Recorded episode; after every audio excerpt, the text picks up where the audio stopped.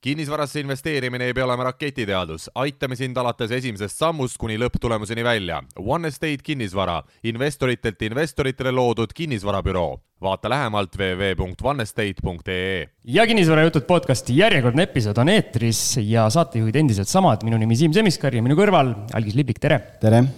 sul on hästi palju infot, Algis sul on täpselt viiskümmend sekundit. mul on nii palju infot, aga meil on nii põnevad külalised, et ma üritan kiirelt ära vuristada siis, et, et rõõm on tervitada jälle teid kõiki siin meie Worklandi stuudios. ja kümme sekundit tühja läinud. Siim, näed jah, kui meil ka areneb kogu aeg, et aina uhkematesse ruumidesse läheme siin kogu aeg, et inimesed panevad väiksemad ruumid, panevad kinni ja siis ja. sulle jääb see kõige võimsam no,. väga äge, väga äge, kus ma arvan, et kui lõunaosariikidest külalised tulevad, siis peamegi nii uhketes ruumides tervitama siin, aga aga ühesõnaga kaheksateist detsember kutsume siis kõiki meie, meie kuulajaid äh, ühinema meiega kinnisvarajutud aastalõpu live üritusel. nii et, äh, et otsige sotsiaalmeediast info ülesse ja Fientas on meil üritus olemas, nii et meil on väga põnev, põnev kolmetunnine üritus tulema, seekord lükkame videokaamerad ka sisse, nii et äh, Siim, oled sa valmis selleks? olen valmis, jah ja seal on äh, üliägedad külalised, äh, nagu meil alati tegelikult. jaa, Maraton stuudiost läheb meil see eetrisse ja meil on äh, seal, on Tõnu Toompark, Mihkel Heliste, Rahakratt, Jaak Roosaare, Kristi Saare ja Anni-Friit Põder, nii et, et ülipõnev saab olema, jagame auhindu, põnevad meeleolukud aastalõpuvestlused ja, ja kokku kakskümmend inimest saab tulla koha peale vaatama seda üritust kaasa seal kohapeal siis nautima ja ülejäänud siis saate osaleda online'i vahendusel. ja ma arvan, et selleks ajaks, kui saade meil eetrisse läheb, võib-olla on juba online piletid või need äh, vipp-piletid otsas, sellepärast et seal ma vaatasin, et kahekümnest seitse on juba läinud. Lähevad nagu soojad saiad, aga viiekümne sekundi asemel äh, tund, mitte tund, aga minut nelikümmend mm.. pika jutuga mees nagu ikka. ja meil tegelikult siin see algus viibis, kuna esimest no ei ole vist päris esimest korda, aga üks esimesi kordi, kus ähm, meil on siis kaks külalist, kes ei jõua omavahel kokkuleppele, kuidas see tiitlivärk ikkagi nende nime ees käib. ja mina teen lühidalt ja siis, siis külalised saavad ise edasi seda arutada, aga ettevõtjad Janar ja Marit Saviir on meil külas, tervist. tere. tere. ja seal oli vist küsimus, et üks on kärsitu ja teine on kaalutleb ja siis ei, ei saa hakkama omavahel või no nii need asjad toimivad, eks tasakaalus peab kogu asi olema.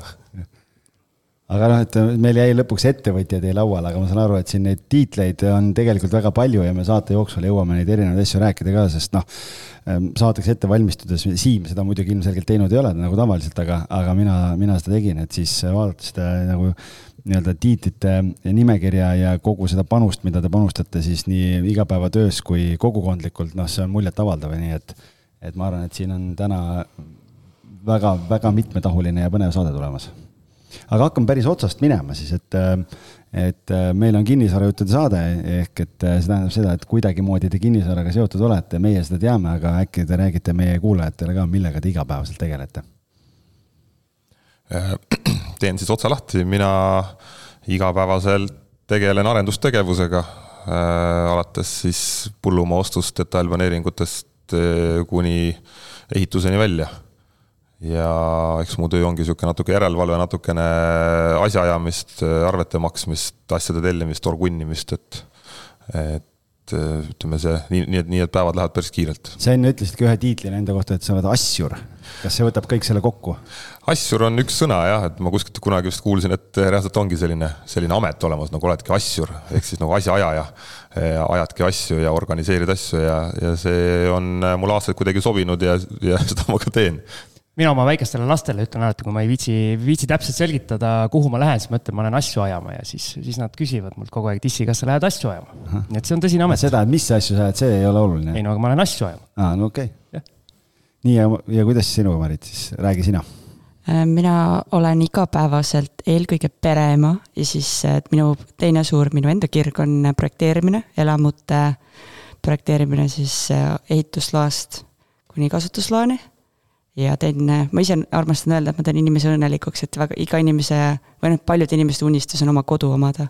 ja siis ma saan olla selle teekonnal nende kõrval, aidates 4D-st siis reaalselt projekt välja anda ja siis näen, kuidas need majad valmivad ja inimesed sisse kolivad, et see on päris äge. okei okay,, aga äh, enne kui me jõuame veel sinna, et kumb, äh, kumb enne kinnisvara juurde jõudis, et äh, mis teie varasem taust on enne seda, kui te kinnisvara juurde jõudsite? Janar, hakkame sinust võib-olla uuesti minema siis. Eh, varasem taust, ma ei tea, kust me pihta hakkame, sündisin Tallinnas, elasin Haapsalus, koolis käisin TTÜ-s, õppisin informaatikat siis natuke nagu, ma ei saa öelda, et isa sunnil, aga isal on mul, ajab noh, eluaeg on ajanud arvutiasju, siis nagu ikka lähed nagu maagi, maa peale nagu noh, kahe jalaga nagu maa peal, et tundus nagu loogiline amet. iseenesest väga mulle see ei klappinud, sattusin Ameerikasse raamatuid müüma, nagu siin palju, palju rahvast Eestis on teinud. Ja eks see on ka tõenäoliselt üks väga suur nii-öelda vundament kogu sel kinnisvara teemale, sest et noh, kinnisvaras ei ole vaja ainult ehitada, vaid on vaja kuskilt raha ja sõpru-tuttavaid ja ja kogemust ja kõike muud, et äh, aga jah, informaatika lõpetasin ära ilusti, olengi siis kõrgharitud äh, IT-mees, äh, kes siis juhib niisugust ehitus- ja arendusettevõtet. ja kui, kui pikk see teekond siis sinna kinnisvarani või kui, kuidas see nagu käis, et noh, käisid USA-s raamatuid müümas, kõik need asjad, lõpetasid ülikooli ära ja siis kohe otse sukeldusid kinnisvarasse või jäi sinna veel midagi vahele ka? seal oli ikka nii, et ma tulin Ameerikast ära, siis laps juba hakkas vaikselt tulema peale, ei tahtnud enam ära olla nii pikalt ja, ja nagu ikka Eestis tegin natukene müügitööd ja siis mingi hetk avastasin, et kui müügitööd hästi teha, siis tundus nagu loogiline müüa midagi, mis maksab rohkem. Sest et mida rohkem maksab, seda rohkem nagu saab ka reaalselt siis midagi kätte. kui just ei ole noh, ütleme, ma ei tea, mingi tootja on ju, aga, aga laias laastus sihuke ostan, müün, vahetan tundus mõistlik. ja ütleme läbi juhuste jada siis tegelikult sattusin Toomus kinnisvarasse, kus mul üks sõber siis oli coach Andrus Albi, ma arvan, talle see promo kuulub hästi ära praegu siin, noh, ütleme ta siis nagu coach'is äh, äh, Toomuse tiimijuhti ja siis läbi kuidagi Andrus siis nagu ütles, et näe, nad otsivad kedagi ja kuna ma tahtsin kinnisvarasse minna, ütleme lühidalt öeldes, siis läksin Toomus kinnisvarasse, lendasin sinna kahe jala ja pea ja käe ja kõigega sisse. ja nelja aastaga siis seal sain nagu sellised väga, ma arvan, põhja no ütleme, põhjalikud teadmised siis äh, hindamistest, kuidas sain, tegin ennast kutseliseks maakleriks, noh, käisin kõik juriidika läbi, müüsin siis äh, ma ei tea, lihtsaid vanu talumaju aitasin siis müüa, vahendasin, ise ei müünud, vaid noh, vahendasin siis kuni äh, duoloftideni välja, on ju, mis too hetk oli siis neli-viis tuhat euri ruut Tartus nagu müsteerium. ja, ja siis mingi hetk avastasin, et vaikselt lagi tuleb ette, hakkasin vaikselt kõrvalt nagu ise tegema ja ja siis süües kasvas isu ja, ja noh, ma võin rääkida nagu sellest ka veel pikalt, aga noh, laias laastus äh, noh, näha oli, et asi nagu toimib, ma olin selle oma kodupiirkonna endale selgeks teinud, mis seal vaja on inimestel. ja siis jah, vahepeal tegin siis ühe maja, siis tegin teise maja ja siis tegin kolm maja ja nüüd siis, siis tegin kolm ridaelamut ja noh, niimoodi nüüd olen nagu mingisugust stabiilsuse leidnud. väga hea, sinna me jõuame kindlasti veel detailidena sisse ka kaevata, aga ja kuidas sinul sealt kõrvalt siis nii-öelda pereemana, kuidas see kinnisvarasse jõudmine käis, et? Äh, kinnisvarast, ma alustan siis sama kaugelt, kui Janar alustas, mõned aastad hiljem sündisin mina äh, hoopis Põlvamaal siis käisin Tartus ülikoolis, õppisin matemaatika, informaatika õpetajaks, lõpetasin selle ära kas, no äh, sorry, ma segan vahele, kas see informaatika taust on siin kuidagi ka mängib selles, et te täna koos olete siin? see on teema, mida me koos ei oska okay. see on meie ühine nimetaja. me kumbki seda ei oska sellises valdkonnas nagu peaks. aga kas numbrid on teie kodus numbrid, ja numbrid, Exceli tabelid on see keel, milles me suhtleme, meie okay., meie armastuse keel on Excel kindlasti. Äh, siis äh, kui ma lõpet-, ta, mul oli niimoodi, et ma läksin samamoodi raamatuid müüma kohe ülikooli esimesel aastal. kolm aastat sain müüa, siis äh, hakkasid juba lapsed peale tulema. kuidas nad niimoodi järsku hakkavad tulema? tulema nagu? ma ei tea, meil oli kuidagi ühine, ühine keel, väga kiiresti leidsime, et me mõlemad tahame palju lapsi saada, et tol hetkel tahtsime seitse, õnneks meil see äh, entusiasm äh, rauges viie peale ära wow.. saime wow., saime, saime aru, et äh, viis poissi on äh, meile piisav väljakutse. kõik poisid? Kõik on poisid jah. et eh, viiel, viie tüdrukuga pered. kui suur tõenäosus, kui suur tõenäosus see on, et eh, kõik viis last tulevad poisid? Te olete kindlasti välja arvatud. ma just abikaasa või kellelegi ütlesin, et kui ma helistasin, et naistearst helistas mulle, et eh, kõik on nagu beebiga korras või see test, vaata, mis kohe tehakse, on ju, et kõik on korras, et saate endale vii-, poja. ja siis ta, ma helistasin Janarile ja ütlesin selle edasi ja siis Janar pani nagu kalkulaatorisse kohe nagu selle tõenäosuse, et see on nagu mingi null koma null midagi. väga väike väike tõenäosus? kolm protsenti. okei, jah, kolm protsenti on see tõenäosus, et äh, saada viis poega järjest. aga see juhtus, tõenäosus on niisugune, nagu ta on. Äh, siis äh, kuidas ma kinnisvara juurde jõudsin. mul on väga vana taust kinnisvaraga nii palju, või noh, nagu projekteerimisega on selles, et mu ema tahtis kunagi aastal üheksakümmend üheksa, kaks tuhat, meil oli kodus arvuti. tollel ajal ei olnud see väga, Põlvas, Põlva kandis ei olnud see väga populaarne ja siis ainuke arvuti Põlvas meie, minu klassis ja ma arvan, isegi noorem-vanemates astmes oli mul ainus arvuti. kõik tulid üle Põlva tuldi kokku kokku. mitteavalik internetipunkt oli see. jah, see oli jah, just ja siis see oli veel kollase musta taustaga, aga siis emal oli vaja, tal oli külaliste majas, tal oli vaja evakuatsiooniskeeme teha igasse tuppa nagu sinna hotellituppa külaliste majas nagu ja siis äh, ma pidin neid joonised, siis ma tegin Paintis, aga mulle hullult nagu meeldis, siis me kunagi oma maja hakkasime ehitama, siis ma samamoodi kõik nagu vaibaruudud, kõik plaadiruudud, kõik nagu joonistasin endale välja, need toad ühekaupa, et see Paintis. on nagu Paintis ja wow., sest äh, mul ei olnud nagu sihukest äh, head programmi, aga noh, alge oli olemas ja huvi oli olemas, et siis, kui Janar mulle äh, kaks tuhat kuusteist ütles, et kuule, et tal on üks tuttav, kes on, neil on projekteerimisfirma, et nad võtaks hea meelega kedagi praktikale, siis ma olin nagu noh siiamaani tulevad nagu jõukõrd vist, et see oli ikka tegelikult äge kogemus, et ma sain sinna minna ja nüüd ma teengi midagi sellist, mis mulle iga hommiku annab põhjuse üles tõusta õhtul ei taha magama hästi lasta, et nagu tõesti teen midagi, mis mulle meeldib ja mida ma enda arust päris hästi oskan ka kas sa hommikul siiamaani esimesena teed selle Painti lahti või? Eh, nüüd mul on õnneks olemas kallis arhikäed see on see Paint kaks punkt null. aga ma näen oma klientide pealt, kes eh, võtavad siis minu selle põhja, on ju, mis ma olen neile teinud, põhikorruse plaani ja siis nad tahavad seal muudatusi teha, siis nad samamoodi võtavad cut, cut ja paste, vaata, teevad seda äh, igasuguseid asju Paintis ja nüüd on noh, muidugi meil on nüüd tänapäeval SketchUpid ja muud programmid ka, mis vabavarast kätte saab, aga tollel ajal ei olnud väga võtta kuskilt midagi. Okei okay,, no ülipõnev, no ma ütlen viie lapse kõrvalt, et, et noh, see on müstika, meil oli Siim, see on vist esimene kord saate ajaloos, kus me jääme kaotajaks. Õnneks kahekesi veel võidame. kahekesi veel võidame jah, aga noh, meil on siin kolme lapsega külalisi küll käinud, aga ma ei, seda, et viiega keegi oleks olnud, ma ei tea, et ja seda enam kõike seda kuulates on see nagu äh, väga suur respekt ja müstika, et kuidas, kuidas te kõik seda, kõike seda suudate, aga aga Janar, sina põgusalt mainisid ka, et õppisid äh, neli aastat äh, või noh, Toomuses siis nii-öelda tegid kõik asjad selgeks endale ja mina olen kunagi käinud ühel kinnisvara Jaak Roosaare ja Karin Vinkeli korraldataval kinnisvaraseminaril, sa vist rääkisid seda, kuidas sinu see teekond miljonini algas, kui ma õigesti mäletan, et ja ma mäletan, seal oli mingeid päris värvikaid lugusid majade eh, flip imisest, et eh, kas eh, algaski sinul nagu nii-öelda see teekond sinna arendajaks algas siis eramajade flip imisest või, või mäletan ma valesti? täitsa õigus, jah. see nullist miljonini on muidugi tore, niisugune Äripäeva mingi lööklause seal, et seda miljonit ei ole veel näinud ja noh, käive võib ju olla, aga, aga see kuidagi jah, niisugune väga nullist miljonini paari aastaga tundub nagu selline, nagu see Rain Rannu film enam-vähem, et aga Toomuse kõrvalt jah, tegelikult seal noh, ikka mingid objektid ju tulevad nii-öelda müüki ja siis vaikselt ise ka otsid ja leiad ja kontakte tuleb ja esimene selline flip oli jah, sihuke vana palkmaja, mis no ütleme, kui arendajad ei ole, siis tundub ju, et olemasolevat oleks oluliselt odavam ja lihtsam üles putitada kui uut ehitada, sest uue ehitamine tundub nagu suur, suur ettevõtmine.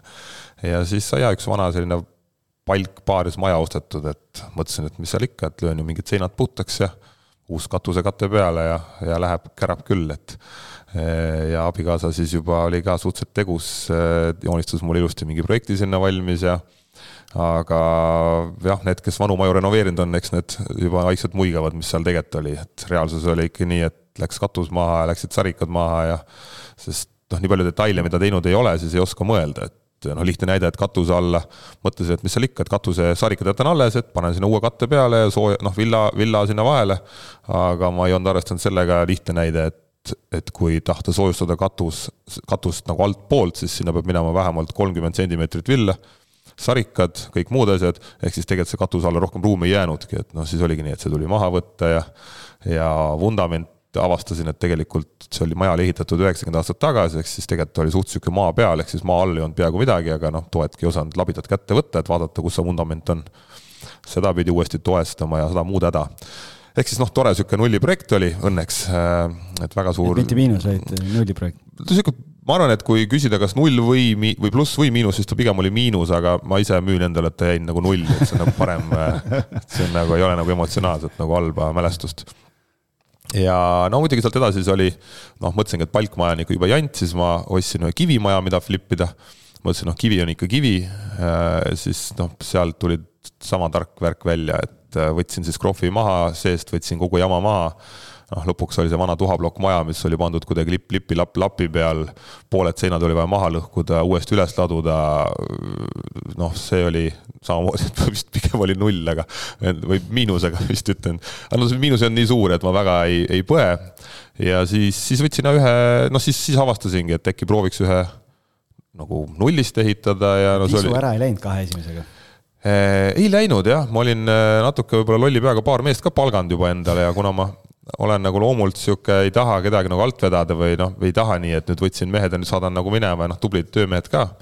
et siis mõtlesin, et proovime, proovime siis midagi uut ka, noh pluss ma arvan, see, et mul kaasa on nagu Marit on siis kõrval olnud nagu nii-öelda projekteerijana võtta, eks see on eh, noh, aidanud nagu julgemalt teha, sest et noh, reaalselt ongi nii, et ütlengi Maritile, et kuule, tee mulle mingi projekt, noh alguses ta väga palju ei teinud ka laste kõrvalt, on ju, siis ta väga palju raha ka ei tahtnud. et see oli nagu lihtsam. siis veel ei tahtnud, jah? siis ei tahtnud ja nüüd on juba läheb teised, teised teemad, on tööd nii palju ja pean nagu seal sõdima nende kõikide teiste arendajate ja soovijatega, aga noh, too hetk oli, oligi nii, et näe, proovi, tee mulle see joonis ja tee see ja siis ma sain nagu müüki panna erinevaid planeeringuid, plaane. ja noh, ütleme nii, et siis lühidalt öeldes tegin selle ühe maja nagu nullist valmis ja sealt jäi ikkagi näppude vahele ka ja see tundus nagu, nagu rõõm pärast seda kogu janti. ja, ja siis noh, nii ta läks, et siis otsisin jälle krunte ja, ja seal läbi juhuste, tegelikult juhuste rada oli enamjaolt, kuidas ma nüüd nagu selliseks suuremaks arendajaks sain ma haaran siin sõnasabast kinni ja uurin, kas sa siis abikaasa juures nii-öelda järjekorrast ettepoole ei saagi või äh,? häda pärast ikka saab, et eks. Äh, kui laupäeva hommikul pannkoogid voodisse viida ja sooja kohvi, et siis saab, saab jutule no eks meil on nagu selles mõttes kodus äh, üks põhjus, miks meil on, ma arvan, viis last ja me oleme pikalt abielus olnud, ongi, et meil on olnud algusest peale hästi avatud. Äh, noh, kõik on nagu lahtised kaardid laias laastus, et, et kui ma siin kuulen kõrvalt, kes, kuidas abielus nagu on, noh, meil on kõik pangakontod, kõik saavad kõigele ligi, kõik saavad üksteise emailidele ligi noh, meil ei ole mingit nagu saladusi või noh, ongi nii, et kui mul on vaja midagi, siis ma ütlengi, et Marit, kuule, et mul on nüüd äh, tõesti ruttu vaja. Äh, mul on kahe päeva pärast vaja mingi asi sisse anda, on ju, ma tean, et sul on palju asju, aga noh, Marit ütleb, et okei okay,, ma saan aru, noh, ja siis teeb ära ja. kõige paremini mõjub see, kui ta ütleb, et ta vaatab lapsi siis ma võin talle teha asju. No see käib niikuinii kaasas jah, selles mõttes, et seal ei ole mul ega valikut, ma seda ma juba tean et.... sellest ta alustab tavaliselt ja, et, et kuule, ma saan ära, ma vaatan poissi, ütlen, et mul oleks vaja see asi ära esitada homme. Ma annan talle mingi joonis ette ja ütlen, et nii, et nüüd sina istud siin, mina teen õhtusöögi, teen lastega mida iganes vaja on, viskan saltosid, et. Äh, ja no siis ongi, Marit istub omal kontoris, meil on selline atmosfäär nagu loodud kodus, et ei pea kuskil põlve otsas tegema, et meil on ikkagi kodus päris kontor, kus on Maritel ikkagi arvuti ja kaks kuvarit ja. uks käib lukus ja? uks käib lukus vajadusel ja, või, või siis lastele öeldaksegi, et emme läks trenni umbes ja, ja tegelikult istub toas, teeb tööd ja siis lapsed ei lähe tüütama ka ja ongi korras.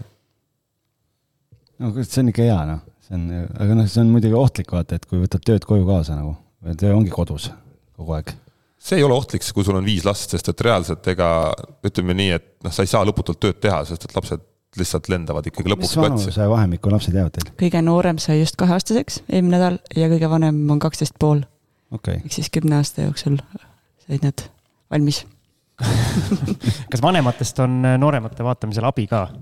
ja see ongi, me Janariga nüüd teel siia mõtlesime ka, et mis see fenomen siis, mis meie saladus on. aga ma arvan, et see tegelikult see viis ei ole nii hull üldse, et vanemad ju, vanemad lapsed iseenesest tahavad vahest ise, noh vahest tahavad ise aidata, vahest peab neid nagu motiveerima, aitama. et äh, vaata korra paar, või noh, paarkümmend minutit, et ma teen söögi valmis, et muidu me ei saagi süüa.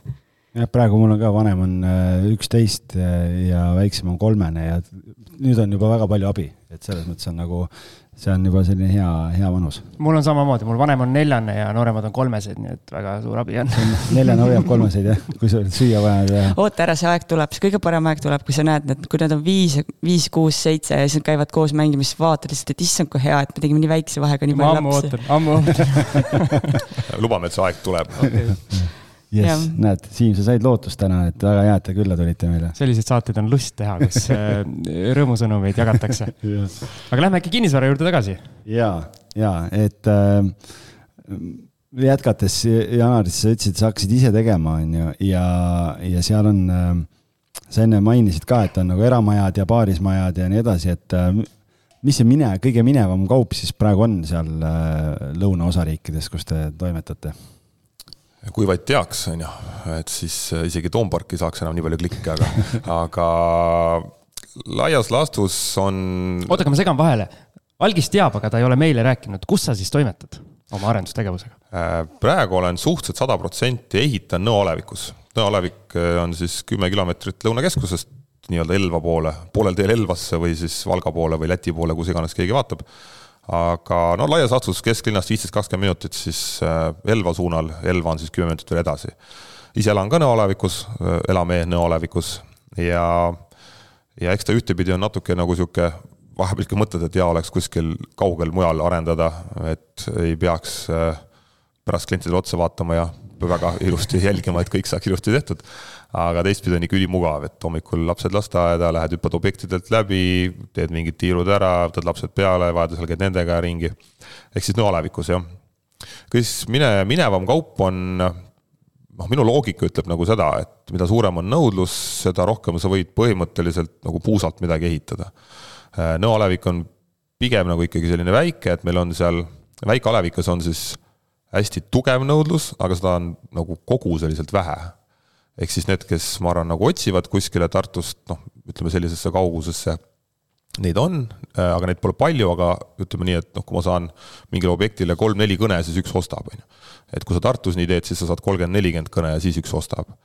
ja ma arvan, Tartus või Tallinnas sa võidki teha ühe ridaelamu, kus seal on, ma ei tea, kõik on neljatoalised, kaheksakümmend kuus ruutu ja noh, keegi ikka lõpuks ära ostab äh, mis ma nüüd praegu ehitan ühte kuue boksiga ridalamut, ma andsingi Maritile konkreetselt ette, et kuna ma ei tea, mis see täpne nõudlus on, siis seal kuue boksiga ridalamus on kaks kolmetoalist, kaks neljatoalist, kaks viietoalist. ja, ja tegelikult noh, see huvi jaguneb täitsa nagu laiali. arenduse mõttes ma arvan, et eks see perspektiiv on siis äh, umbes sama, nagu oli mõned aastad tagasi, kus me läksime mikrokorterite peale, ma arvan, hakkab tulema samalaadsed majad kus inimesed tahavad maja või noh, nagu ridaelamulaadne toode, aga üksikelamu. ehk siis äh, ma arvan, et edaspidi järjest rohkem rõhku läheb sellisele lihtsale sajaruudusele neljatoalisele majale, äh, mille noh, ütleme nii või naa, mingi hetk sa saad sellest lahti, sest et kes vähegi maja tahab, siis midagi väiksemat või odavamat ei ole. ja ma arvan, et äh, ma ei tea, kas see nagu tendents on, aga noh, see on nagu niisugune lollikindel minek. loll, loll, no lollikindel variant, ütleme nii, et.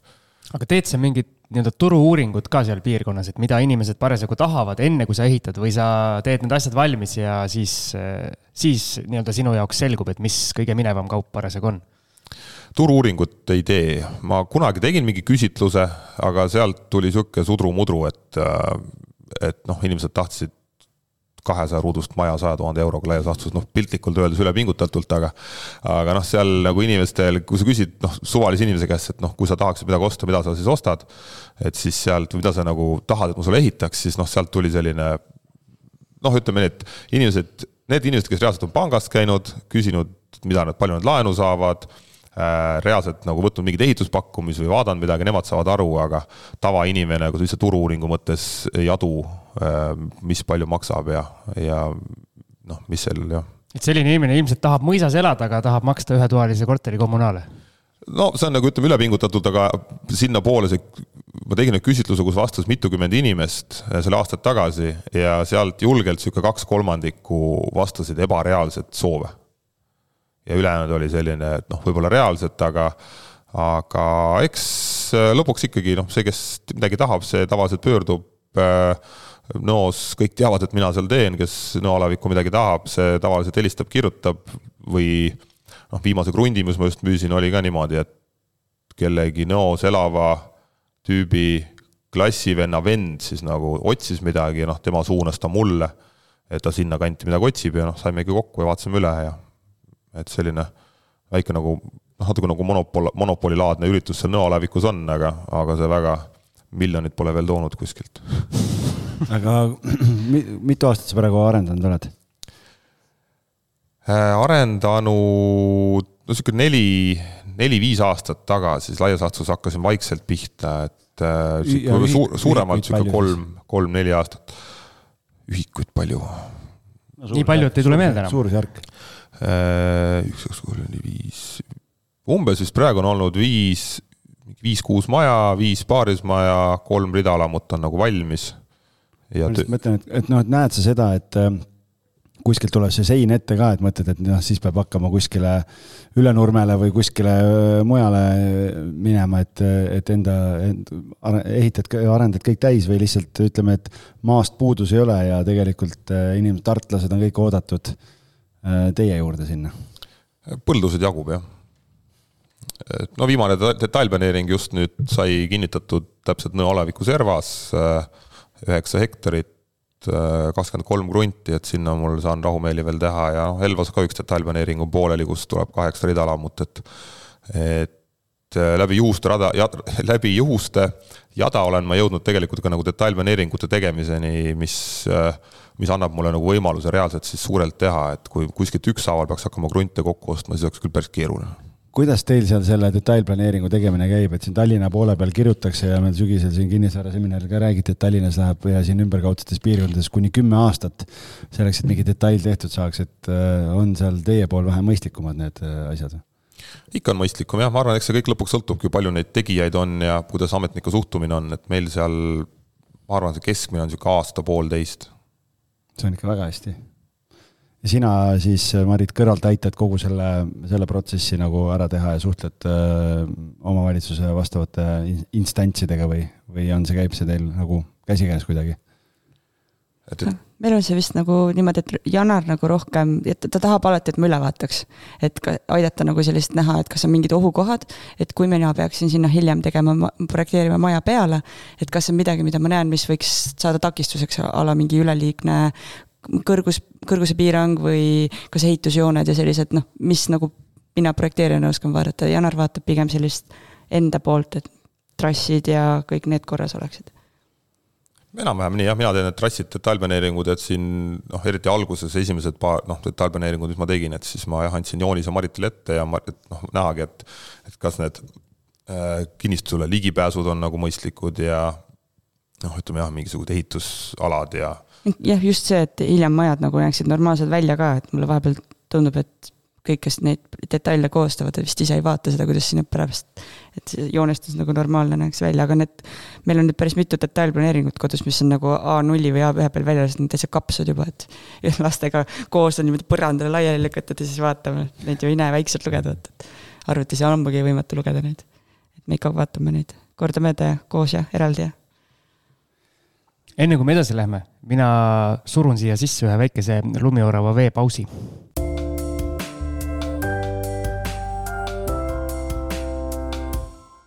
Nii, enne kui Siim sisse sõitis, siin muidugi väga kasulik ja, ja hea paus oli, aga, aga ma tahtsin veel küsida seda, et äh, sa enne ütlesid, et, et kui sa, kui sa tegid need esimesed paar flipimaja, et siis noh, nii-öelda paar töömeest oli, kelle pärast nii-öelda pidi hakkama siis noh, edasi tegema, et et, et meestel tööd oleks, et äh, täna oled sa jäänud siis selle juurde, et sul on enda, enda ehitusbrigaad või ostad teenust sisse ka? Äh, eks ta siin ajas on, noh, süües on kasvanud isu ja, ja kui siin nüüd aastaid paar tagasi oli niisugune paras põud nende ehitajate leidmisega ja objektid oli vaja valmis saada ja paljud siis Kalevipojad tahtsid sealt põhja poolt nagu tagasi koju tulla, siis on saanud ikka omajagu neid juurde palgata Äh, ehk siis praegu on tööl jah, kaksteist, kaksteist meest on tööl. Äh, laias laastus on suht vist viis, viis on Nõo vallast, viis Elva vallast ja kaks Tartust, kõik kohalikud, kohalikud mehed. ja ongi siis nii, et ütleme, sihuke enamus töid saame nendega tehtud, et see annab mulle päris, ma arvan, nagu sellise hea eelise, et ma ei pea sõltuma alltöövõtjatest. et alltöövõtjad, kes siis teevad elektrit, venti äh,, jah, ülejäänud teengi enamjaolt vist ise elekter, elekter, ventilatsioon on nagu laias laastus siis, mida ma ostan sisse, ülejäänud asjad enamjaolt saabki ise tehtud ja ma saan nagu seda tööfaase ja kõike seda nagu kontrollida ise, et kui keegi klient küsib, et millal valmis saab, ma saan talle julgelt öelda, sest et noh, ma tean, et ma panen mehed sinna peale ja vajadusel teen selle kuu ajaga kõik valmis ma küsin nii-öelda väikeinvestori vaatenurgast sult äh, ehitusmeeste kohta, et meie saates väga palju saavad ehitusmehed ja eriti nende fopaad või nendega seotud fopaad saavad siin tähelepanu ja kajastust. sa oled nagu sa ütlesid, arvukalt töömehi värvanud, et kui nüüd mina mingis väikses Flipi projektis otsin töömehi, siis mis on need punased lipud, kui ma otsin kedagi endale tööd tegema, mida ma peaks kohe märkama, et seda meest küll objektile ei tohi kutsuda? ma arvan, eks äh, lõpuks on nagu iga, iga mehe juures või kui sa palkad kedagi, et, et üks on see, mida ta räägib, teine on see, mida, mis su sisetunne ütleb ja üks on see, mida ta räägib ja teine on see, mida ta reaalselt näidata saab sulle. et äh, noh, kui mina olen siin ka võtnud mehi tööle, eks nad kõik on rääkinud, nad oskavad kõike teha, on kakskümmend aastat Soomes ja Rootsis ja Norras, kus kõik ehitanud. ja siis äh, noh, tavaliselt minu kõige olulisem küsimus ongi see, et mis on need tööd, mida sa iseseisvalt suudad otsast lõpuni ära teha mitte, et mida sa nagu lihtsalt oskad teha, et kui ma sulle haamri kätte annan, aga ütleme nii, et noh, mis on need tööd, kui ma annan, ütlen sulle, et näe, mul on vaja see ära teha ja ma ei pea rohkem tagasi tulema, vaid sa teed selle ise korrektselt ära.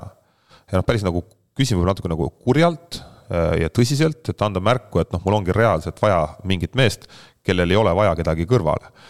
Äh, alguses ma võtsin selliseid abitöölisi ka, aga noh, nendega on rohkem lõpuks peavalu ja sa maksad neile võib-olla suts vähem, aga see maksab kätte et siis aus vastus on see, et pigem maksa rohkem, aga saad, noh, võta keegi, kes reaalselt ütlebki, et jaa, kuule, et ma siin kaks aastat tegelesingi reaalselt mingis suures firmas konkreetselt selle tööga, on ju. ja noh, siis üldjuhul ta teeb selle töö sul ära siin ka aga kui mul tuleb äh, nii-öelda näiteks Flipi projektile ehitusmees, kes ütleb või väidab, et ma suudan kõik asjad ise ära teha, on see reaalne? kõik asjad äh, suudab mõni ehitusmees ära teha, aga siis ta üldjuhul ei tule sulle siis tal ei tohiks. minu juurde nagu, ta ei satu siis. ta ei tohiks nagu sinu juurde sattuda jah, sihuke kümme, kaksteist euri tunnis tööd tegema, et siis ta peaks olema mingisugune objektijuht kuskil Merkos, et. Äh, ja see tase, noh, et ta suudab kõik ära teha, on ka see, et noh, elektrijuhtmete vedamine on nagu see, et kas sa vead kilbist pistiku pessa ühe juhtme on ju, ühendad selle ära või sa reaalselt oskad kogu maja elektri ära vedada, et.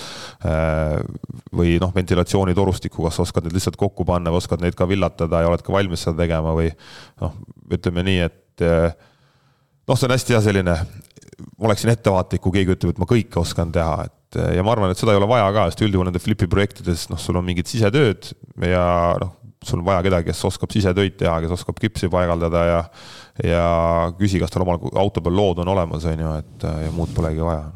et kui lood ei ole ehitusmehel, siis on hapu, jah?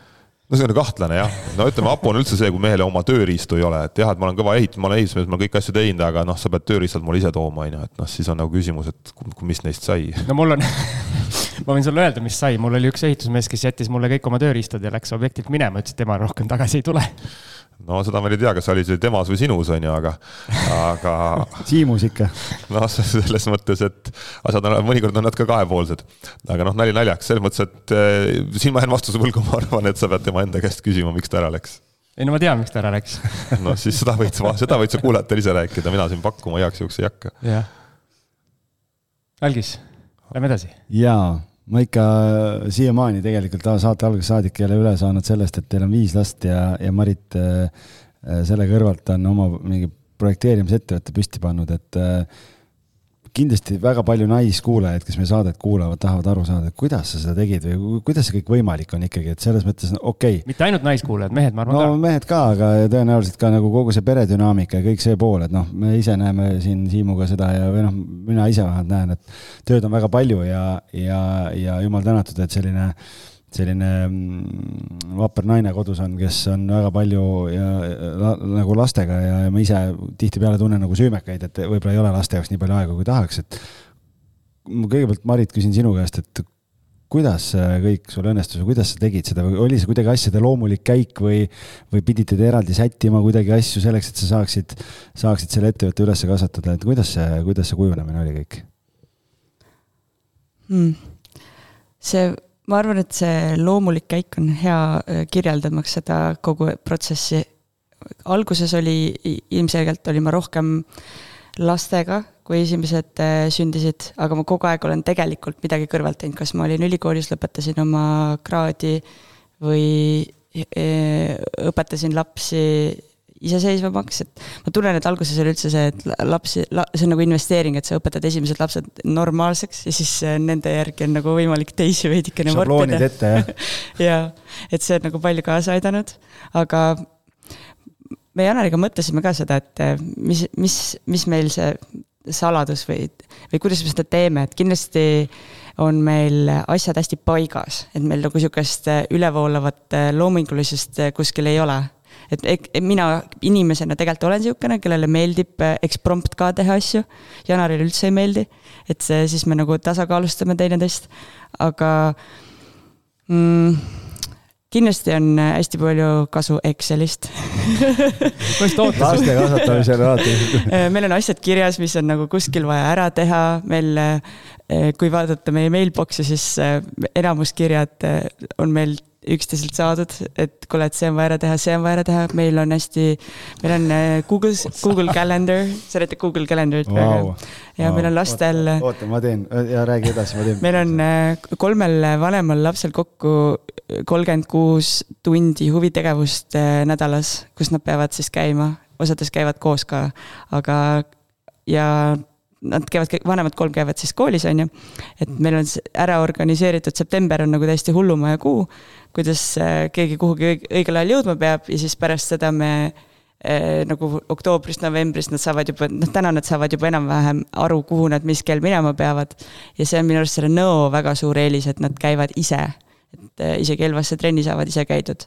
et ei siis, pea autojuhid olema päris, jah? seda taksojuhi ametit on jäänud väga väheks, et me oleme selle läbi teinud, aga seda on jäänud vähemaks ja siis, miks ma sellest üldse räägin, tööalane küsimus oli ilmselgelt, aga ma leian, et kui need eh, nagu baaslayer'id ei ole paigas, siis ei saa ju tööd ka teha, et eh, see investeering tuleb ära teha, et saada kõik oma elu nii-öelda kuidagi balanssi ja siis saab, siis on aega, et tegeleda tööasjadega ka, et lapsed, eh, lapsed korda kõige rohkem võib-olla, milles, mida meil on nagu vähem, kui minu sõbrannadel on see sotsiaalne elu aga ma arvan, et seda me saame siis ka millalgi teha, kui lapsed, lapsed juba võimaldavad kodust eemal käimist. aga, aga schedule, schedule on kindlasti, noh, see siis, mis eesti keeles on, graafik või? ma arvan, tegelikult on süsteem. süsteem jaa, süsteemid ja organiseer-, organiseerimine vahet pole, kas sul on nagu viis last või üks laps, et kui sul süsteemi ei ole, et kuidas see laps nagu, kus ta käima peab, millal ta käima peab, sa pead iga päev nagu mõtlema, et oota, mis meil nüüd oli, kuhu pidi nüüd minema, kes ta viib, kes ta toob. Äh, kui sa iga päev pead oma energiat panema nagu sellele, siis noh, siis vahet ei ole, palju sul lapsi on või sul ei pea lapsi olemagi, isegi siis on keeruline. Endaga on keeruline. Keeruline. et äh, ma ei ole kunagi seda meelt olnud, nagu mõni paneb täitsa nagu enda asjad ka kõik paika reaalselt, et nüüd ma, ma ei tea, söön ja nüüd ma vaatan telekat ja on ka tegelikult noh, inimesed, kes tegelikult niimoodi oma päevaga haig-, noh, mulle see üldse ei meeldi. aga see kohustuslik nagu need suured kivid nii-öelda laias laastus, mida peab tegema, noh, need on nagu kalendris ja noh, ma ei pea mõtlema päeval, et mis saab, sest need on kõik on ära otsustatud ette ja lapsed ka teavad, lastel on välja prinditud nende enda graafik koos kõikide huviringidega, mida mul kallis abikaasa siis, me rääkisime Excelist, on ju.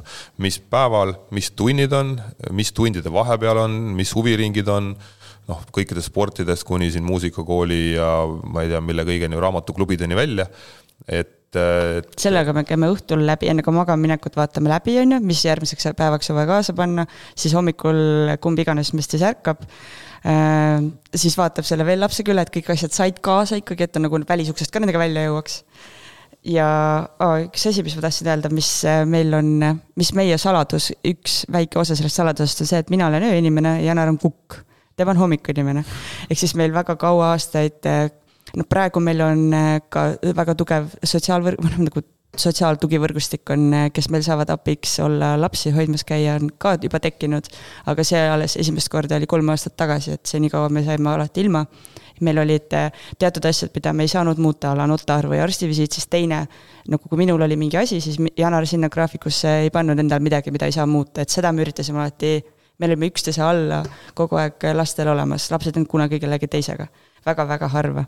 Aga siis see ka hästi palju aitas, et mina töötasin, õppisin kõik asjad, mis ma tegin, ma tegin alati õhtuti, panime lapsed magama ära. või siis Janar pani, mina läksingi oma sinna kontorisse, sain rahulikult süveneda kuskil nelja-viieni. siis hommikul magasin beebiga, noh beebid ju magavad, meil on õnneks vedanud, et meil lapsed on väga head magajad olnud, et siis me oleme maganud sihuke üheteistkümne kümneni välja, kümne üheteistkümneni ja siis äh, Janar on jälle hommikul eelmised lapsed, nagu need vanemad lapsed siis kuskil lasteaeda või kooli ära viinud või saatnud, kooli lähevad nad üldiselt ise, aga lasteaeda on vaja viia. kõlab nagu selline Hollywoodi film, et kõik on ilus ja sujub ja jah, kui see ei oleks lihtsalt nii-öelda aastatepikkune rutiin, et yeah. rutiinidest Film- väga häid filme ei saa meie. eesmärk ei ole kindlasti jätta mingit muljet, et me elame roosa mannas, seda, see kindlasti ei arvan, toimu see, see, mis mul Marit ütles, et lapsed on väga hästi maganud, on ka veel, see on nagu vanainimestel kaob mälestus ära, et kuidas need lapsed halvad olid või lollisti käitusid või tegid rumalusi. et meil lapsed on, ma arvan, üle keskmise hästi maganud, aga noh, meil ikka on ikka väga palju unetuid öid ja kus üks magab ühes toas, teine teises toas, sest et muidu ei saagi magada. kus mitu ööd järjest, kas keegi on haige või, või beebid tahavad tissi ja, ja reaalselt noh, ongi sihuke ülesse magama, ülesse magama, et äh, mingi vahe oli väga äge, siis kui ma viiendat lapsega imetasin, siis magasin mina teises toas kõige vanema pojaga, kes pidi kõige esimesem ärkama, siis äh, ma hommikul kell värises, siis ma lükkasin ta ülesse, siis tema ajas järgmise venna ülesse, too ajas Janari ülesse. siis said üks, siis Janar võttis äh, selle lapse, kes, neljanda lapse siis, kes läks lasteaeda. see on nagu see doominoklottside värk, Jaa, et esimene tuleb käima lükata, et siis ülejäänud kukuvad jah, aga ise. mina sain endale viienda lapse kõrval siis und juurde, vaata, et ma ei pidanud ärkama. üliäge. See on sihuke advanced parenting on selle asja nimi, et äh, et me ei tea, kas me teeme asju õigesti, seda me näeme ju siis, kui nad kunagi kõik on suureks saanud. praegu tundub, et äh, toimib nagu kellavärk igal juhul, et see on ju oluline, et peredünaamika oleks paigas. siin pole väga valikut jah, vaata kui sul lapsed on, siis kui sa oled ilma lasteta, siis sul on valikud, kui sul on lapsed, siis ega väga palju valikuid ju ei ole, et noh, hommikul ei saa öelda, et kuule, et kell äratab ja lapsed peavad kooli minema, aga las nad magavad sisse, et, et see asi nagu see pidu kaua ei kestaks, et see ongi sihuke kahatsega asi, et mõnes mõttes on nad jube tüütud, on ju, aga tegelikult nad äh, ikkagi motiveerivad edasi minema kogu aeg, et, et see vastutus ei ole ainult iseendal. et en- enda ego tuleb ikka aeg-ajalt laste arvelt maha suruda. ma ise olen tundnud, et äh, on kaks asja, mis mind on õpetanud ülimalt, ülimalt palju just aja planeerimises, et üks oli see, kui ma kunagi kaitseväkke läksin. kuna seal oli alguses mingitel hetkedel oligi viis või kümme minutit vaba aega ja siis sa pidid selle enda jaoks maksimaalselt ära kasutama. ja nüüd siis nende lastega samamoodi, et nagu teie rääkisite oma seda logistikat, et üks lükkab selle esimese, esimese domino käima ja seal kuskil vahel tuleb ju enda asjad ka ära teha, eks. et eh, need on need asjad, mida ütleme siis tänu millele võib-olla mina oskan üldse natukene aega planeerida, et muidu mul oleks kõik lappes. Nagu Algis teab. just, ma arvan, sa oskad aega hinnata jah, seda ka jah. ma arvan, et lastega sa hakkadki seda aega hindama ja mida rohkem sul teha on, seda rohkem sa hakkad seda hin- hindama, et et eks me naerame Maritiga siin ka noh, sõprade sõbrannade üle, kellel on üks laps või kaks last, võib-olla üldse lapsi ja ja nendel on ka jube kiire, nagu üldse ei jõua, nii, nii palju on teha nagu, et siis nii raske. noh, raske, raske on ka, aga noh, ongi see, et need tegevused on noh, inimesel kogu aeg kiire, et ega lõpuks vahet ei ole. Võib-olla ma mõtleks võib-olla nagu siin noh, just lõppenud meestepäeva puhul nagu noh, meestele nagu soovitus ka, et ega reaalselt eh, noh, mina olen nagu aastaid otsisingi natuke nagu Maritile midagi, mis, mida ta võiks teha, et et kuna eks algselt minu arust oli nagu mõte, et Marit ongi kodune ema, meil on palju lapsi, jube ilus, aga noh, eks äh, aastatega oli näha, et ega Maritil on seda potentsiaali võib-olla isegi rohkem kui mul. Kümme aastat oli ta nagu kodus kinni laias laastus, noh nagu vangis on võib-olla vale öelda, aga noh, reaalselt siis kui sa oled kümnest aastast äh, enamus aega kas rase või imetad, on ju, siis jube raske on nagu mingit hullu karjääriredelit kuskil ronida või kuskile direktoriks saada, et et siis noh, kõrvalt ikkagi järjest jälgisin, mida ta võiks nagu teha ja see projekteerimine noh, oligi maast madalast juba näha, et ta tegelikult, kui ta kodu juba projekteeris, ka paintis meile mingid köögimööbli joonised valmis, kus siis tootjad vaatasid, et siis, et mis sul nagu viga on laias laastus. et, et siis äh, noh, ma arvan, mehed peakski nagu tegelikult naistele rohkem võimalusi andma, et tundub, et kodus ongi nagu asjad noh, see vaikselt muutub parem, selles paremuse suunas, aga aga ma arvan, paljudel peredes tegelikult on naised palju potentsiaalikamad nagu elus läbi lööma kui mehed, lihtsalt neile ei anta võimalust, sest et mehed tunnevad, et neil on nii kiire kogu aeg ja minul business läheb, et mina küll lastega. no ma pean jah raha sisse tooma, et sina ole kodus on ju, mina pean hommikul ruttu minema ja sõpradega kõigepealt paar kohvi jooma, lehed läbi lugema ja siis ajama asju, et äh, Mulle tundub, mehed äh, on asjurid. asjurid jah. Mulle tundub, et äh, kogu selle jutu kokkuvõtteks, vaata, Algis ütles ka, et meil on siin külas käinud tegelikult päris palju inimesi, kellel on ka kaks-kolm last, et äh, ja mulle tundub, et see nii-öelda inimese kui tal on äh, nii-öelda palju lapsi ja selle võrra vähem aega, tuleb rohkem aega väärtustada, nagu, nagu sa, Janar, ütlesid, rohkem aega planeerida, et siis justkui nagu see edukus võib-olla tuleb ka tänu sellele, et et sa tead, et kui sa saad selle tund aega, sa pead oma asjad ära tegema, sul ei ole võimalik seal, mis see moodne sõna on, prokastineerida, et kuskil ma ei tea, edasi lükata, vaatad selle tantsud tähtedega ära ja küll ma siis teen, on ju. et sa pead need asjad ära tegema ja tänu sellele ju me kõik teame, et ettevõtluse ja üldse edukuse alus on see, et sa teed kogu aeg oma selle järgmise sammu ja, ja liigud edasi ja meil on mõlemal sellised äh, to-do list'id, kus on siis ajaliselt, et kus, kas on mingi kümme minutit auk, tund aega, viisteist minutit, et niisugused nagu, me teame, mida me saame selle ajaga ära teha.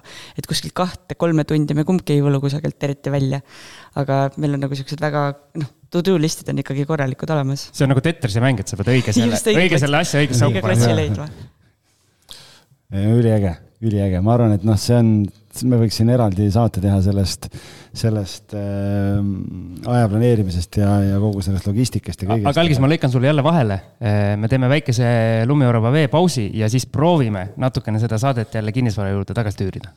sobib sulle? sobib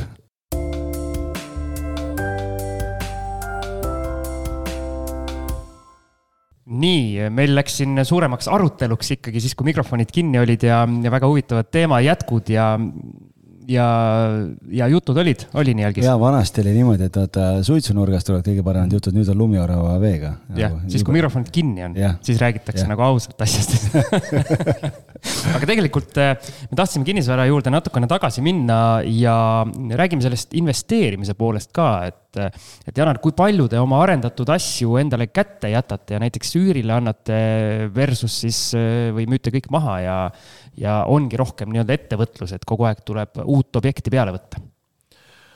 eks siin on olnud, ma olen olnud äh, nii ühes kui teises äärmuses, et tegelikult see kinnisvara teekond mõnes mõttes äh, võib-olla siis esimene samm tegelikult oli meil Jaagu ja Margoga, mis me seal Elvas seda üüriäri tegema hakkasime, suurusjärk kaheksa aastat tagasi, mis võib-olla mainin ka ära, see oli niisugune äge jälle juhuste rada, kus rikkaks saamise õpikut või seda kinnisvaraga rikkaks saamise õpikut ma siis lugesin, Jaak rääkis seal oma kortermajade ostust too hetk, noh et ikka väga tasuv see Luise ja mis tal oli seal äh, koos Kallega.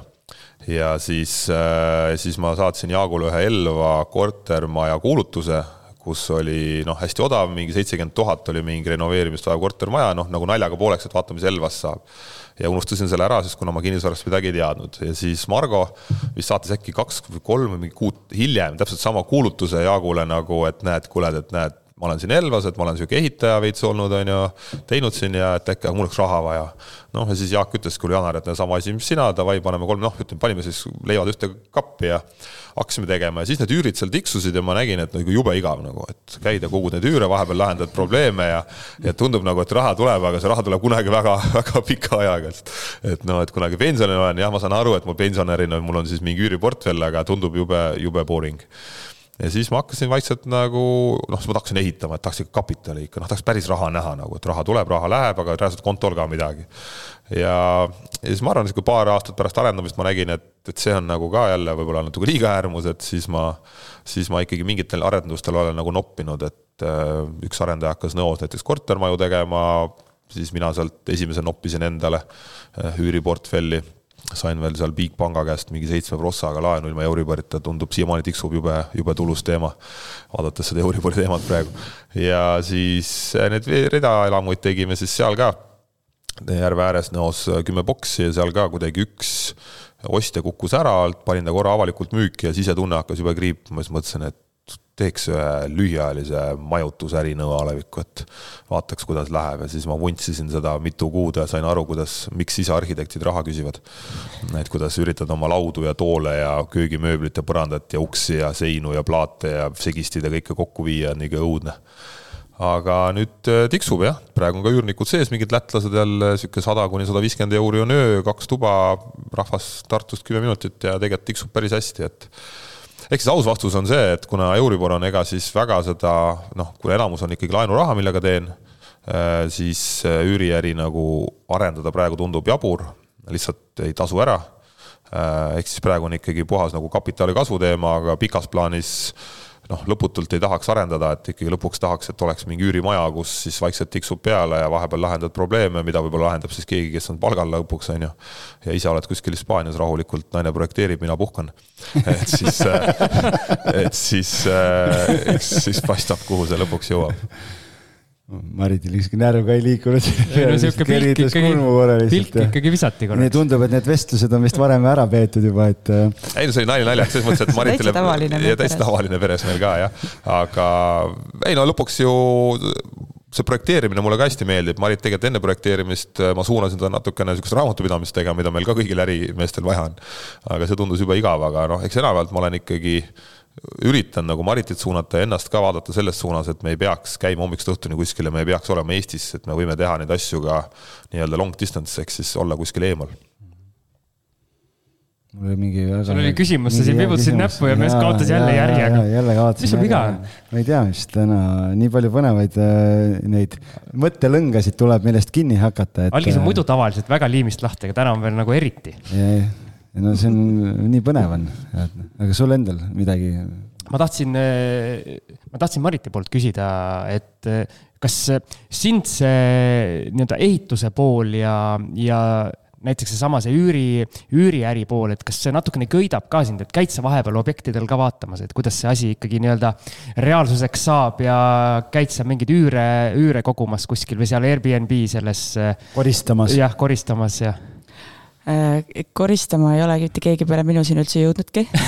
mu vanemad lapsed on juba välja koolitatud. osav delegeerimine äh, ei, ma lihtsalt ei, see on nii, see on nii ilus, see korter, et ma ei ole lubanud seal mitte kellelgi teisel koristada okay on ju, Janar? mulle ei anta harja kätte igaks juhuks ja et tea, mis sealt tuleb. rikud ära veel midagi? ei, mul on isegi. ära ei riku, aga tõenäoliselt äh,, ei, Marit on selle koha pealt, on tal mingi äh, geen, geen, mingi sihuke hirmus geen, mis koristamise geen, et, et ma oskan ka väga hästi koristada, aga Marit oskab palju paremini. sa arvad, et sa oskad hästi koristada? ei, ta on väga tubli, ta on päriselt okay. väga tubli. Äh, ei, ma oskan ka koristada, ma arvan, et siin.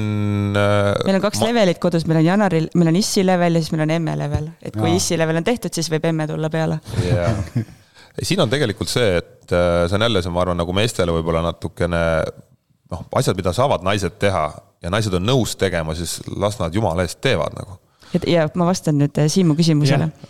Äh, kui äh, päris aus olla, siis Janar on mind oma objekti pealt ära viinud, et ma seal nii kaua tolknen ja töllerdan ja segan, segan ehitajaid, küsin ühe asja kohta, teise asja kohta. meie maja ehitati, siis ma olin, kui meie maja aastal kaks tuhat kuusteist ehitati, siis ehitajad nagu, kui nad nägid, et ma sõitsin ette, siis ma nägin, kuidas nad põgenevad ära, et mitte jumala eest mu küsimustele vastata. Läksid lõunale. ja läksid lõunale. ma kasvasin üles oma isa garaažis, mul on kolm õde ja, ja siis keegi pidi olema see tomboy oi, ja siis isa, et nagu ema hajutas las-, lapsi, siis saadeti mind kogu aeg garaaži. et tegelikult ma olen meie maja valgustid ja kõik asjad keerasin ise lakke, LED-id ühendasin ära ja, ja garderoobid ehitasin sisse mitte kõik, on ju, et eritellimust mitte, aga muud asjad tegin ikka ise. et ma olen pigem olnud sihuke hands-on ja Jana, Janari objektide peal olen ka ikkagi kogu aeg küsinud, et miks see pragu siin sihukene on ja, ja nüüd mind enam väga ei taheta sinna kvaliteedikontroll on ka. see on ka kalendris äh, niimoodi kirjas, et kõik teavad. me panime nüüd selle lepingusse, et see on ainult ette teatamisel objekti külastus. ja ehitajad mind näevad, siis ütlevad, järelevalve tuleb jälle. mina ütlen, et järelevalve tuleb, et võtke nüüd ilusti, pange kiiver pähe kõik, nii nagu kõik juhendid ette näevad, et siin haamrid kätte ja töö käiks, et no,.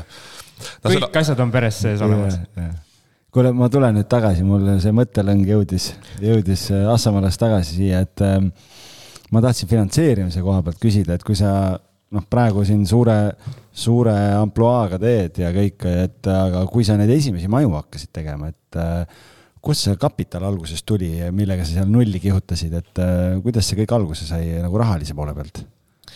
ma arvan, et see ongi noh, see raamatumüük, millest alguses korraks nagu oli juttu, eks see on mind päästnud tõenäoliselt selle finantseerimise koha pealt kõige rohkem, et seal raamatuid sai müüa, müüa päris pikalt ja sealt tekkis neid tutvusi ja sõpru ja noh, neid inimesi, kes sind usaldavad, noh, praegu ka pimesi põhimõtteliselt.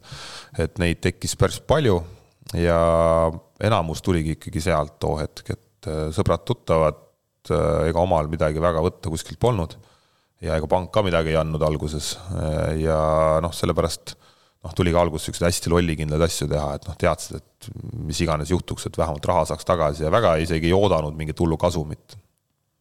ja nüüd on siis pankadega? pankadega jah, mida pank, mida nagu pangaks äh, pidada, aga põhimõtteliselt sellised üüri rahavoo asjad on olnud jah, siin Bigbankast ja, ja hüpoteeklaenuga on saanud üllatavalt nagu noh, häid diile nii-öelda seal, isegi koos Euriboriga jääb seal pross kuus alla.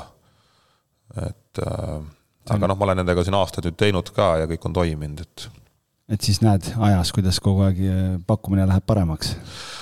paremaks ta nüüd ka ei lähe, aga, aga loodetavasti unistan ikka sellest hetkest jah, kus omakapitali on nii palju, et ei, ei peaks nagu ustele koputama ja toimetama, aga aga ma arvan, et sinna läheb aega, et tundub, et siin pigem mahud lähevad suuremaks, siis otsas on kogu aeg raha aga tead, me ei ole tegelikult kordagi puudutanud ju praegust seda nii-öelda kinnisvaraturu olukorda, et väga palju just arendajatelt küsitakse, et et kuidas läheb, kas objektid müüvad ka, et kas te julgete uusi projekte ette võtta ja kõik need, need küsimused, et mis sina vastaksid, mis seisus me hetkel oleme?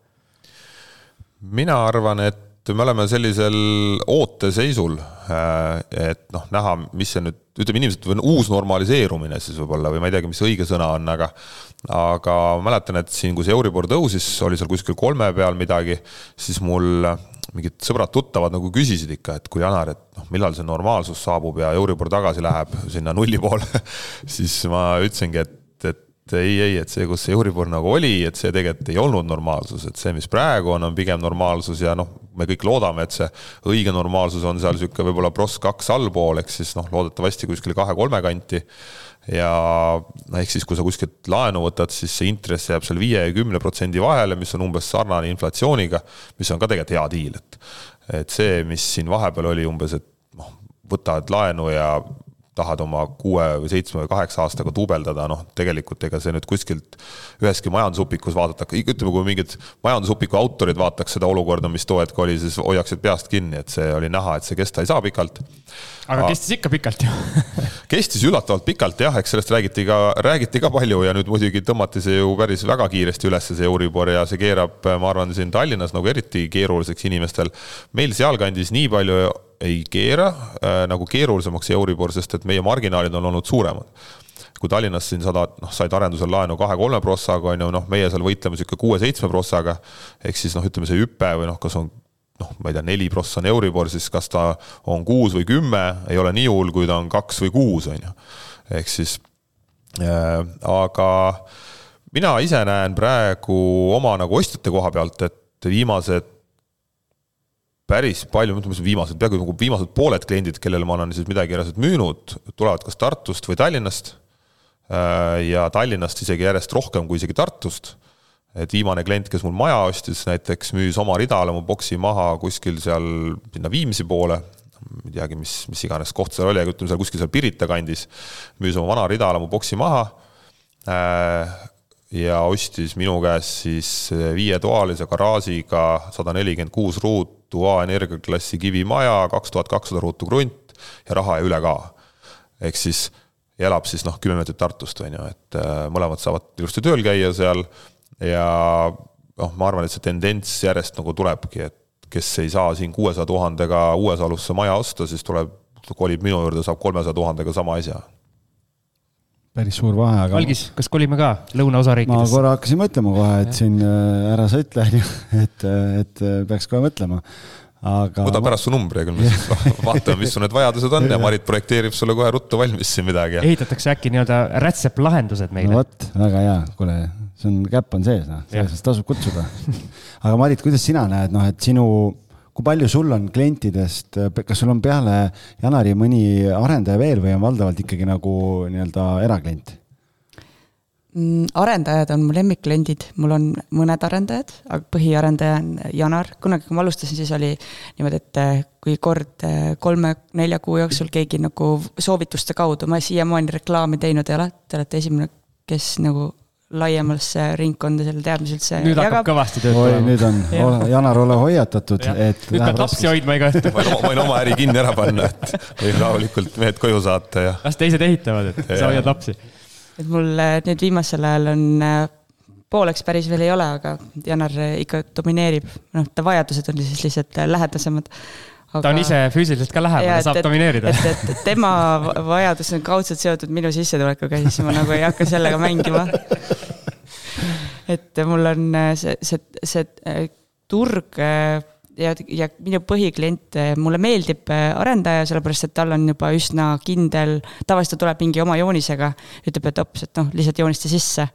Need, nad teavad juba, mis maja, mis tüüpi maja nad tahavad kõik ja nad on juba tavaliselt ka eeltöö ära teinud, kuhu noh, neil on kinnistu olemas, neil on geo, geo, geoalused ja kõik asjad veel olemas, on ju kärsit sellega..., kärsitumad on ka, et nad avastavad, et aeg on raha ja neil ei ole aega nagu noh, aasta no, aega mõelda. Nad ei pendelda niimoodi, vaata, inim-, tavainimesele või noh, erakliendile teen ühe joonise ära ja siis äh, vahest rumala peaga teen teise ka ja siis ta hakkab seal vahel juba, oh, sellele meeldiks see ja tead, oh, see oli nii lahe lahendus on ju, et siis võtame sealt selle nagu esimese külge ja siis vahest nagu mitu kuud pendeldame edasi-tagasi, et see on, et ma olen nüüd õppinud juba nagu ennast natuke vaos hoidma, et ma lasen nagu, et inimesel lihtsalt, mida vähem nagu less is more on niisugune ütlus, et, et mida vähem tal on nagu valikuvariante, seda kindlamini ta suudab tegelikult ühele nagu kinni jääda nagu konksu alla neelata.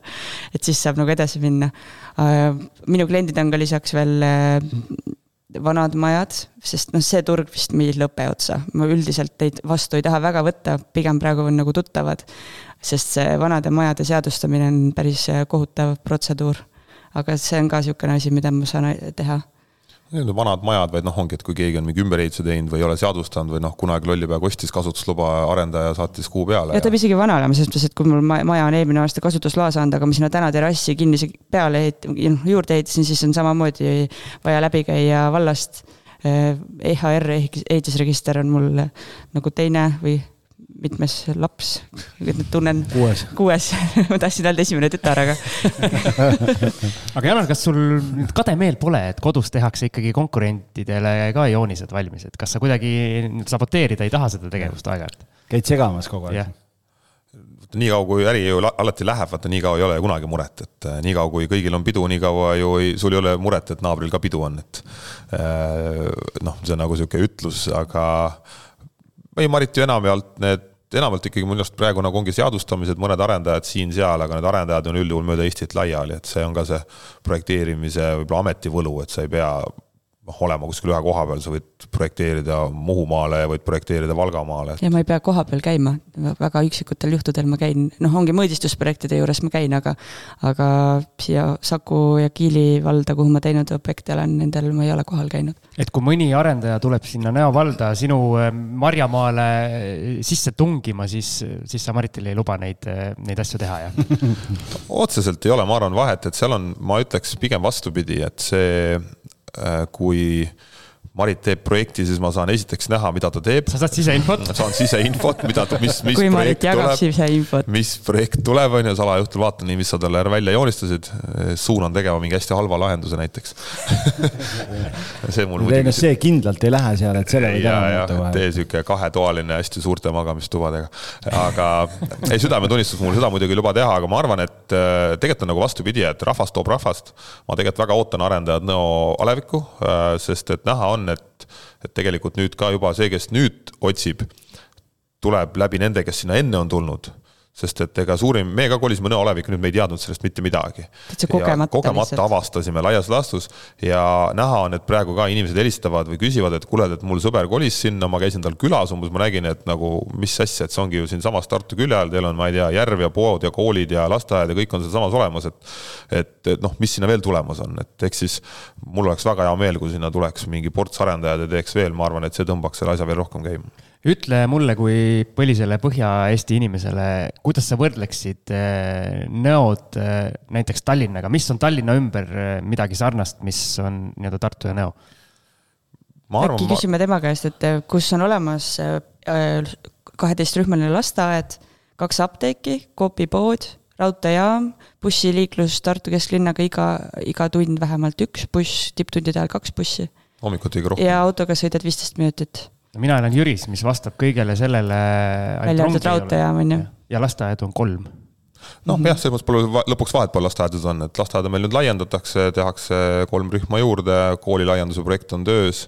no kui ja... lasteaeda laiendatakse, see vist on nii-öelda hea märk, et rahvast tuleb aina juurde ikka, jah, meil noored pered tulevad järjest juurde ja no ütleme, Jüri. Janar ja Marit on eeskujuks, et seal on keskmise perekonna laste hulk on lihtsalt suurem kui meil siin no ütleme, eks ta lõpuks on ikkagi, ma näen, miks ma ise usun nõualevikku, on täpselt sama nagu näha oli Tallinnas, et ütleme, kõik need isegi Uuesalu või Peetri, mida alguses natuke naerdi välja, kui sinna põllu peale keegi tegema hakkas. ja nüüd, kui on seal kõik asjad olemas, siis reaalselt on kallim kui Nõmme, on ju ehk siis noh, see Nõo on natukene sama tendents et.... meil lihtsalt oli infrastruktuur enne olemas Peetrile ja jõudis yeah, nagu infrastruktuur aga... hiljem järgi, aga ta jõudis. aga noh, lõpuks on täpselt sama, on ju, et kas sa oled Sauel, Sakus, oled sa Peetris, oled sa Jüril, et sul on ikkagi selline väga mõistlik sõidetav kaugus ja kõik on, noh, ütleme, lapsed saavad käia sealsamas, eks see on nagu see, mida ma arvan, ikkagi lapsevanemad paljud otsivad, et sa ei pea neid vedama või neid kuskile bussi peale panema. huviringid ja kõik on olemas koha peal, et võid teha ikka väga palju erinevaid asju aga tead, me peame vaikselt hakkama lõpetama, sest äh, meie külalised lähevad rongile ja Algisel on näpp püsti. kas sul nüüd on meeles, mis sa tahad küsida? ei, ei, mul äh, siin meeles ja enne ju küsisin ka, aga ma lihtsalt tahtsingi tuua siia, et ma alguses ütlesin, et neid tiitleid on väga palju. et äh, Siim, ma nüüd korra impressin sind, kuula kõige selle juures, mis me rääkisime siin viie lapsega ja, ja kõik need jutud siia juurde. kõigele lisaks, millest me oleme rääkinud, siis Marit on Nõo lasteaia hoolekogu esinaine, hariduskodu Naiskodukaitsjate Nõo jaoskonna juhatuse liige. Janar on Nõo põhikooli hoolekogu esimees, spordikooli hoolekogu liige, volikogu liige, arengukomisjoni esimees, eelarvekomisjoni liige ja siis koos korraldavad nad Nõo Veskjärve triatlonit ja Marit on veel Eesti rannatennises ka üks parimaid how on earth see kõik võimalik on, et nagu kuidas, kuidas nagu, ma saan aru, et te panustate kogukonda ka ikkagi nagu väga-väga palju, et, et see on üks oluline osa teie igapäevast. no hingele peab ka midagi olema, selles mõttes, et noh, see on natuke võib-olla loomuses nii mul kui Maritil, et, et noh, me tahame noh, mitte paista välja ainult sellised mingid noh, rahaahned arendajad või projekteerijad, et, et mina suunan tegelikult arendusest, noh, oma vaba kapitali tegelikult ehitasime Kelgumäe oma kuludega seal laias laastus eelmine aasta ja ja noh, see triatlonil tegelikult mul läheb mitu tuhat eurit, euro aastas ja ja mingid tuhat elkurit siin teen aastas laias laastus, jagan lihtsalt laiali ja noh, mingeid selliseid lihtsalt hingelähedasi asju ka, et see kuidagi toidab mu mingit teist poolt natukene, et. Äh, Respekt. noh, minu arust, äh, kui me oma kogukonda aitame, siis kogukond aitab meid, et, et me saame endale, me loome ju enda lastele keskkonda, et äh, siis on meil lapsed hoitud ja siis on jälle meil hästi. super, aga tead, viimase küsimuse küsime ka ja siis laseme mm. inimesed rongi peale yeah., sest ega rong ei oota ju. rong sõidab nii, nagu graafikus on, nagu Excelis kirjas on. õige. aga mis on teie kaugemad eesmärgid, on teil äh, nii-öelda mingid äh, individuaalsed eesmärgid ja on teil ka mingid ühised eesmärgid? Proovime kuidagi otsapidi siis kinnisvarasse jääda minul, eks kauge eesmärk on ikkagi lõpuks äh, noh, ma kutsun seda hästi tore rahaline vabadus. Äh, eks, mida me kõik nagu taga ajame. rahast vabaks või? rahast vabaks, jah. noh, eks lõpuks on eesmärk ikkagi see, et sa saad teha seda, mida sa tahad. Äh, ja, ja sa saad nagu lastega olla ja lastele pakkuda ka, mida nagu võimalusi. ehk siis noh, ma arvan, see on, mille nimel mina vähemalt pingutan, et äh, eks ma näen nagu oma noorusajast ka, et, et vanemad, kellel oli rohkem raha või kes olid ettevõtlikumad või noh, kust iganes see raha tuli, ma too hetk ei teadnud. aga näha, et neil oli lastele võimalus pakkuda rohkem parematesse võib-olla ülikoolidesse või välismaale või noh, silmaringi avardada ja, ja eks see on nagu üks eesmärk minul.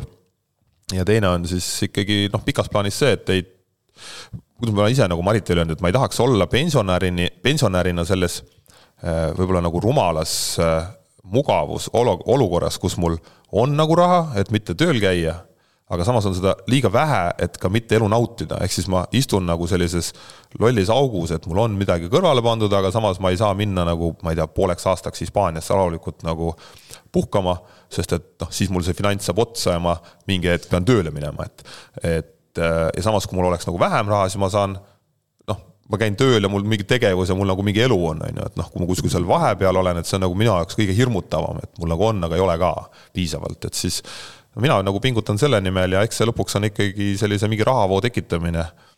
et nüüd mul ongi, et ma nüüd kogun kapitali, vaatan, mis Euribor teeb ja siis tegelikult ikkagi on mõte mingi üürikortermaja või noh, mingit sellist rahavoo objekte jälle pikas plaanis tegema hakata. mina pean siis neid tõenäoliselt projekteerima et sul on eesmärgid juba paika pandud nii-öelda? tundub nii super, no super luks, et. suur tänu, et te tulite, oli väga äge ja aitäh kutsumast. mulle väga meeldis, et see jutt vahepeal läks selliste nii-öelda pehmemate väärtuste peale või selle nii-öelda vähe teise poole peale, sest meie saates ka mingi hetk, kui meil Urmas Sõõrumaa ära käis sajandas osas, siis me lubasime, et me lähme nagu laiemaks ka teemadega, et elu ei ole ainult, ma ei tea, üürikorterid ja. ei ole ainult Excelid, jah, ei ole ainult Excel, et kuigi teie puhul hakkab ümber mõtlema siin. no Excelist saab kõik alguse, aga noh, lõpuks, millest sa lõpuks rõõmu tunned, on ju, et, et noh, raha võib ju palju olla, aga kas see sind nagu pikas plaanis ka, see raha ainult ei tee rõõmsaks, et, et on ju kõik muu väga hea, selle lausega on äh, õige lõpetada. ja, ja tervitused siis lõunaosariikidesse just olge tublid sealpool ka. tšau. tšau. Tšau.